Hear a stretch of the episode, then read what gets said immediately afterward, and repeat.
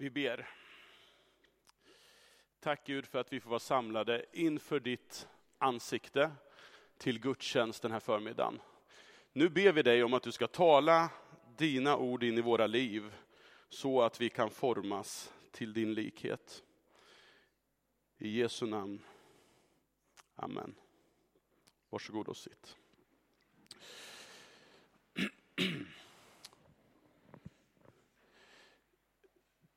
Temat för höstens gudstjänster här i Korskyrkan är för världens skull. Det tror jag att de allra flesta har greppat.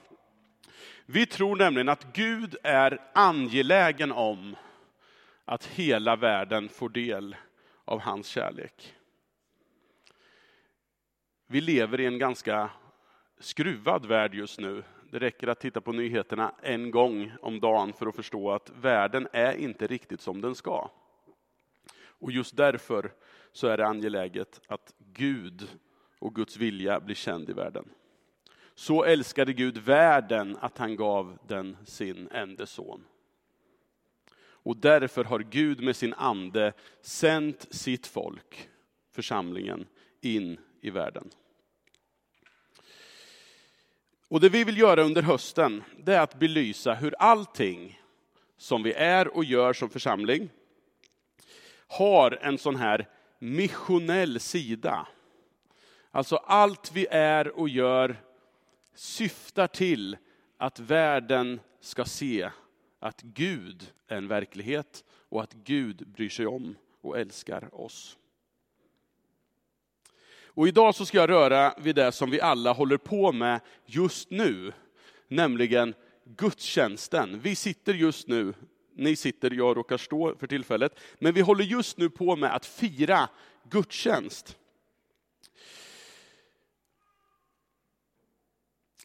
Vi som firar gudstjänst i Korskyrkan i Norrköping, vi gör det i ett land som ofta brukar beskrivas som världens mest sekulariserade.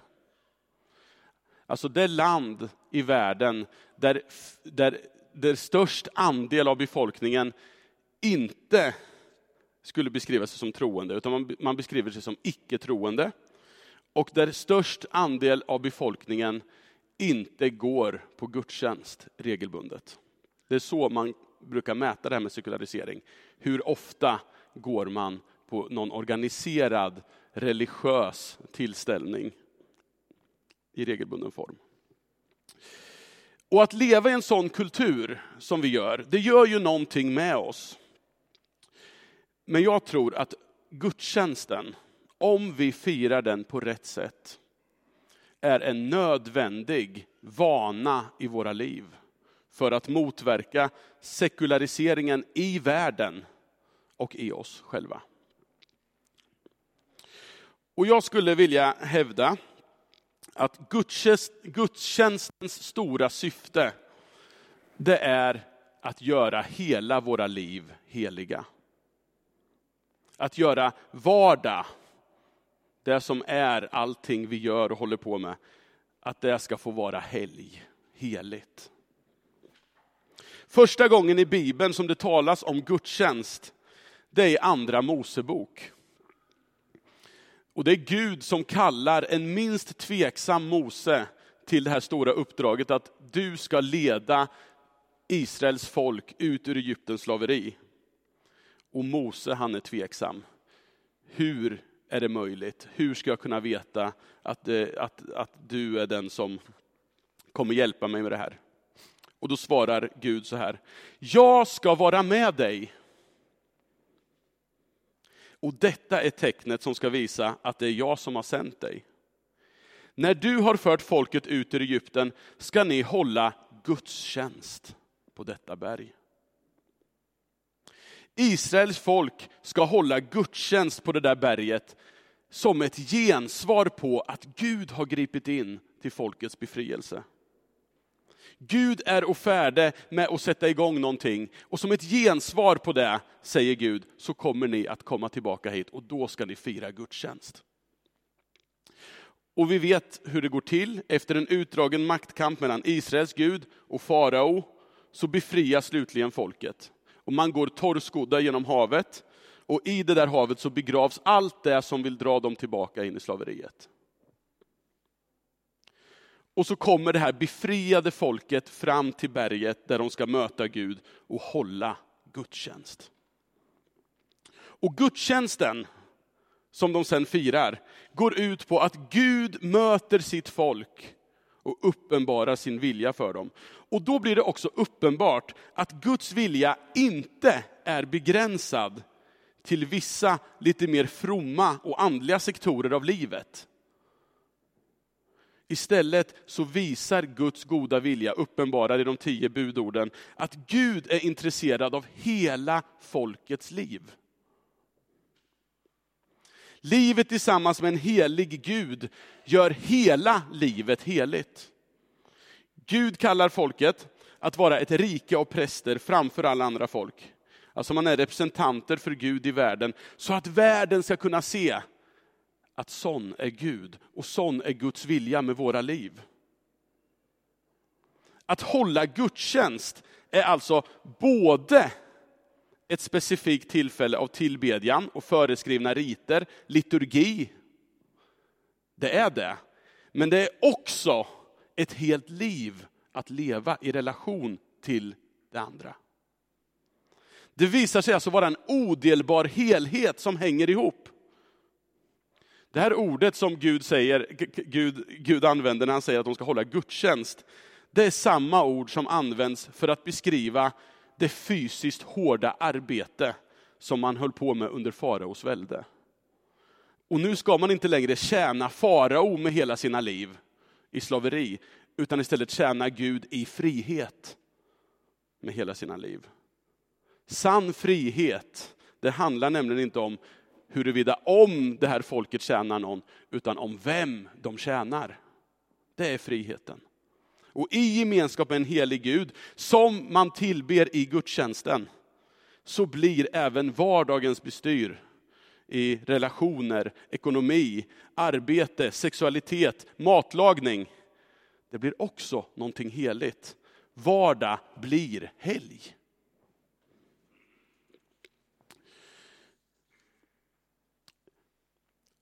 Jag nämnde tidigare att vi lever i ett av världens mest sekulariserade länder.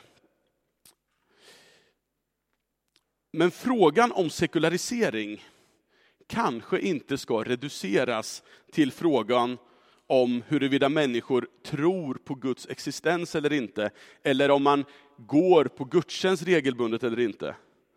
Utan den här frågan måste vidgas till hur lever vi våra liv? Ytterst handlar sekularisering om vår drivkraft att själv vilja vara Gud. Och det kan ta sig uttryck på olika sätt. Och kan det vara så att även människor som säger sig tro på Gud, kanske till och med sådana som du och jag som går i kyrkan, kan det vara så att vi är sekulariserade? Författaren Magnus Malm, han tror det. Han säger så här. Sekularisering är att leva som om Gud inte fanns. Det kan innebära att jag slutar tro på Gud. Men det kan också ske medan jag fortfarande har kvar tron på Guds existens. Det avgörande tecknet på sekulariseringen är inte människans inre, utan hennes relationer. Till Gud, sig själv, andra människor, arbetet, pengarna, miljön, politiken och så vidare. Därmed är sekulariseringen minst lika mycket ett problem inom kyrkan som utanför. Har han rätt? Ett sätt som sekularisering kan ta sig uttryck, och som vi kanske ofta tänker är det vanligaste, är ju det här att man förnekar Guds existens och man bryr sig inte om det här med gudstjänster och sånt där. Men ett annat sätt, det är ju det här lite mer försåtliga. Att vi visserligen tror på Gud, och vi kanske till och med tycker att det är jätteviktigt med Gud. Vissa delar av livet. Det som rör det privata, det inre, det existentiella, det andliga. ja men där, där kan vi släppa in Gud. Men det som rör det offentliga, mina relationer, min konsumtion, mitt arbete, där har Gud väldigt lite, om ens någonting, att säga till om. Och den här uppdelningen av livet, som jag tror ligger nära till hans, den gör det för mig. Den kan också ses som ett uttryck för sekularisering. Och då är sekularisering ingenting som är särskilt modernt. Utan det är någonting som vi möter redan i Bibeln. I Gamla Testamentet så får vi följa det här folket som höll den där gudstjänsten i berg. Och vi får följa dem genom seklen. Och berättelsen om Israels folk, det är en alldeles utmärkt levande illustration på det som är människans stora bekymmer. Den här tendensen att själv vilja bestämma över sitt liv. Problemet med Israels folk var inte att de slutade tro på Gud. Utan att de successivt började dela upp livet i en del där Gud var viktig och en del där man gjorde som man själv ville. Det som tilldrog sig på en särskild plats, templet, vid vissa tidpunkter, sabbater och högtider, och innehöll särskilda handlingar såsom offer, bön och tillbedjan. Där var Gud jätteviktig. Men Gud kom att enbart vara förpassad till just den delen av livet. Och så kunde man själv agera helt efter egen lust och vilja på andra områden. Mot den här sektoriseringen av livet, den här uppdelningen av livet och av Gud profeterade bland annat Amos på 700-talet före Kristus. Han kritiserar den här förda politiken som förs och pekar på att gudsförhållandet hänger ihop med hur man behandlar samhällets fattiga. Gudstjänstens liv, i meningen den här samlingen med sånger, böner och offer, blir fullständigt meningslös om man inte också lever ut rätt politik de andra dagarna. Så här, skriver, så här, så här talar Amos. Jag avskyr era fester. Jag hatar dem. Jag står inte ut med era högtider. När ni offrar till mig och kommer med era gåvor vill jag inte veta av dem. Jag vill inte, jag vill inte se åt era offer av gödboskap.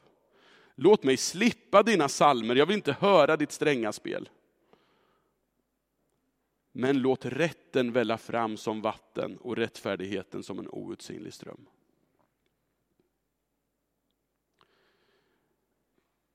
Han var nog inte så poppis Amos. Ett annat exempel är Jeremia en annan av de här gamla testament, eh, gammaltestamentliga profeterna. På grund av templets existens i Jerusalem och det här finstämda gudstjänstlivet man antagligen njöt av, så inbillade sig Jerusalems invånare att den här staden är ointaglig, för här bor Gud. Och vi har ju så bra gudstjänster. Och det var en garant för deras säkerhet, oavsett hur folket och dess ledare levde sina liv.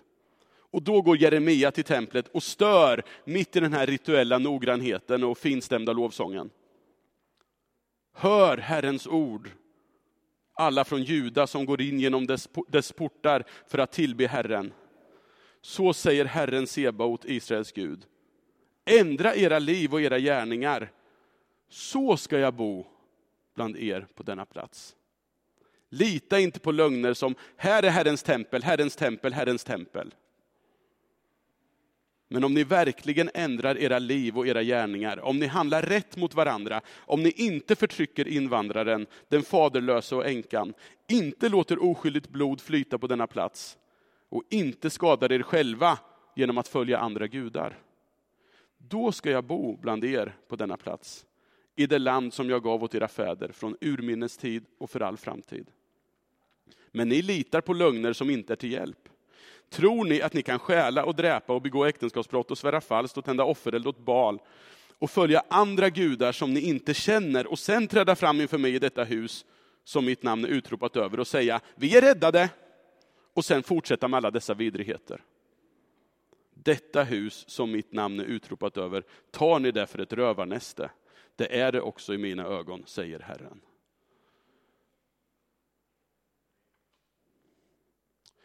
Det som verkar hända när man kapar av sambandet mellan gudstjänstens tillbedjan av Gud och det liv man lever, det är att det heliga, det som man håller så heligt, inte heller längre är heligt.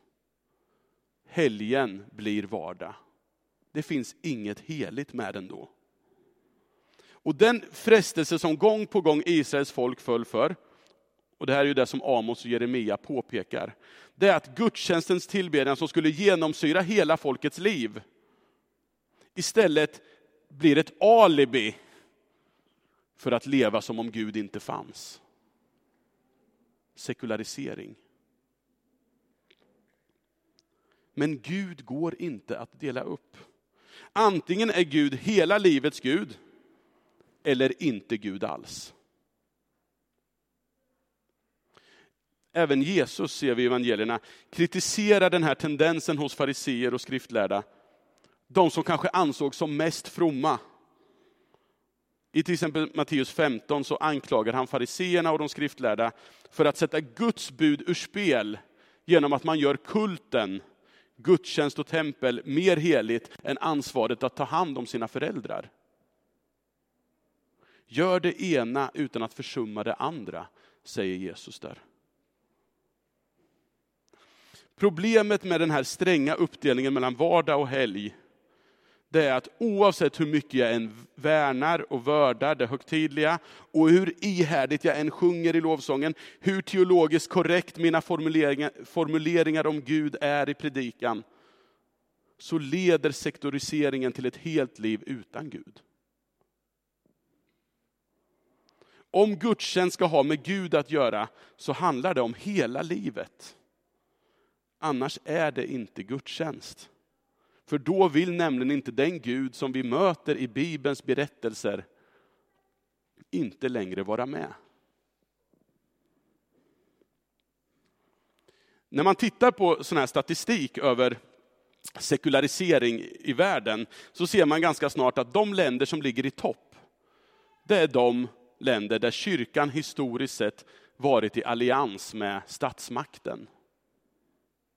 Och vad är det som har hänt i de här länderna? Jo, kyrkan har tilldelats en privilegierad roll. Man har fått monopol på att ta hand om det andliga, det existentiella, där man inte kan se. Och genom att ha en sån privilegierad plats så har det ingått i själva avtalet att sen då inte bry sig om det som rör människors liv egentligen, det synliga, för det har staten då fått ta hand om. Och på det här sättet i och med att kyrkan har gått med på det här, så har man bidragit till sekulariseringen i Sverige genom att förkunna en Gud som är uppdelad. Och därmed inte Gud överhuvudtaget. I en sån variant av kristen tro så upplöser man elegant den här spänningen mellan att i vardagen vara bödel, man gör ju bara sitt jobb, och på söndagen gå på gudstjänst och tillbe Gud. Men hur relevant blir då Gud? Det kanske inte är, för att ännu en gång citera Magnus Malm, det kanske inte är världen som sekulariserar kyrkan, utan kyrkan som sekulariserar världen. Genom att avgränsa Gud från det som är liv och vardag.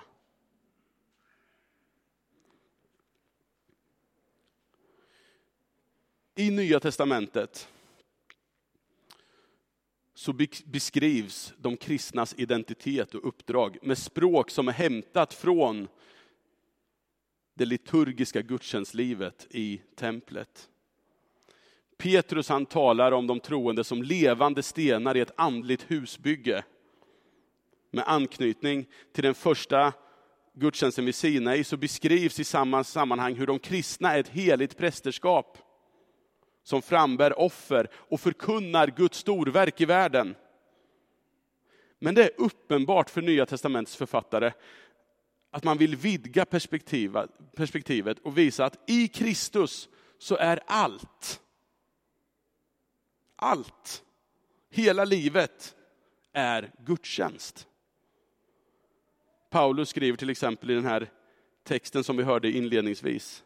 Därför ber jag er bröder, vid Guds barmhärtighet, att frambära er själva som ett levande och heligt offer som behagar Gud. Det ska vara er andliga gudstjänst. Anpassa er inte efter denna världen, utan låt er förvandlas genom förnyelsen av era tankar, så att ni kan avgöra vad som är Guds vilja.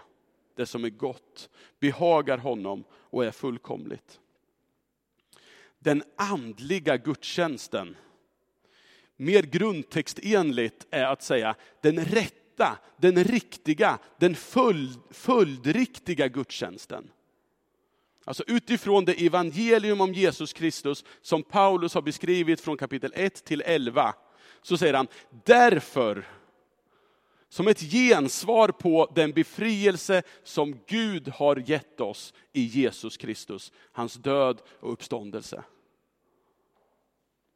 Och här ser vi den här parallellen liksom, till Israels folk. De firade gudstjänst som ett gensvar vi får fira gudstjänst som ett gensvar genom att frambära oss själva.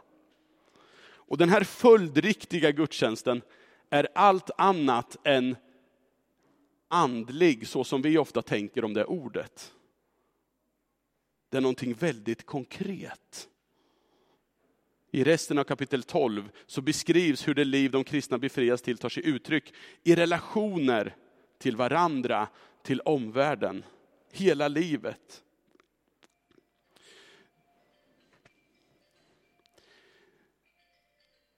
Nu finns det en uppenbar risk.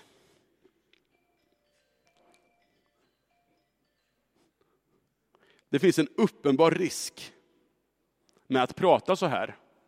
Om att säga att det är ingen skillnad på vardag och helg.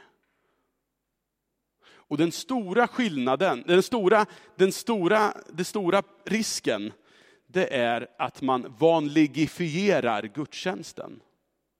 Så att man säger att ja, men om det inte är någon skillnad, då är, det, då är väl gudstjänsten precis som vilken grej vi gör som helst i livet. Om allt då är heligt. Men det är tvärtom. Gudstjänsten, då vi som församling möts för att tillbe Gud i lovsång, be för vår värld i förbön, lyssna in Guds tilltal i ordet, med våra kroppar söka oss till förbönsplatsen. Ta del av måltiden som vi firar då och då. Det är en nödvändig förutsättning för att se att Gud är hela livets Gud. För att vi ska kunna uppgradera vår vardag så behöver vi, det är absolut nödvändigt att gudstjänsten är en del av vår livsrytm.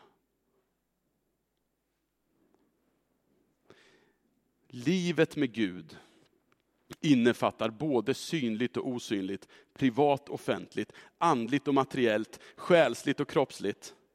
Och regelbundet gudstjänstfirande hjälper oss att se det och formar oss till tillbedjare. I gudstjänsten så manifesterar vi ju i koncentrerad form den hållning vi vill ha hela livet. Jag vill göra mitt liv till en lovsång till dig.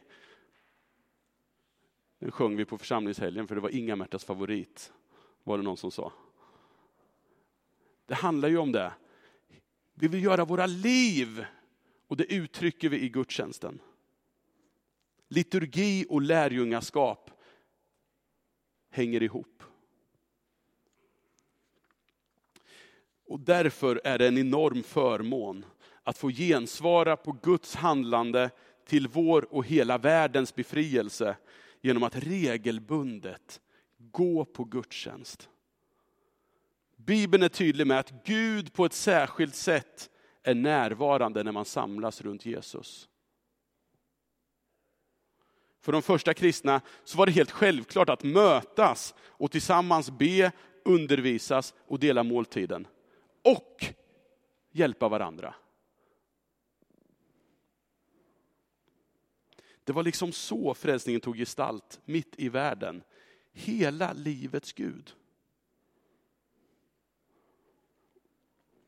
Och på det här sättet så tror jag att alla, alla vi som söndag efter söndag går på stadens gator för att mötas och tillbe Gud tillsammans med människor som vi aldrig annars skulle lära känna. Det är ett tecken som den här världen behöver på att det finns någon, det finns någonting som är värt att ge sitt liv till. Att fira gudstjänst, det är alldeles för viktigt för att reduceras till en fråga om jag på söndagsmorgon känner för det eller inte. Då är det ingen vana, då är det mer än, ja men jag känner inte för det. Det är, det är så viktigt att det behöver bli en vana i våra liv. Det är av yttersta vikt för min egen skull. Och det är av yttersta vikt för den här världens skull. För att det ska formas ett folk i den här världen för vilket hela livet, hela tiden är heligt. Så låt oss entusiastiskt i glädje fira gudstjänst. Vi ber tillsammans. Gud, jag tackar dig för din befrielse genom Jesus Kristus. Tack för frälsningen. Och tack för förmånen att få gensvara på din nåd och kärlek genom att samlas till gudstjänst och att tillbe dig och formas av ditt tilltal in i våra liv. Vi ber om nåden att gudstjänsten som vi regelbundet firar inte ska vara en flykt från världen och vardagens liv, utan utrusta oss till att se på livet och världen med dina ögon. Du är hela livets Gud och med dig är hela livet hela tiden heligt. Du är en Gud som angår oss och bryr dig om oss och allt som rör sig i våra liv. Det inre och det yttre, det privata och det offentliga, fysiska, psykiska och andliga. Hjälp oss att inte dela upp livet. Gud, hjälp oss att leva liv som visar att din frälsning gäller alla livets dimensioner. Hjälp oss att leva liv och fira gudstjänst på ett sådant sätt som gör att världen ser att du är relevant överallt, hela tiden. I Jesu namn ber vi så. Amen.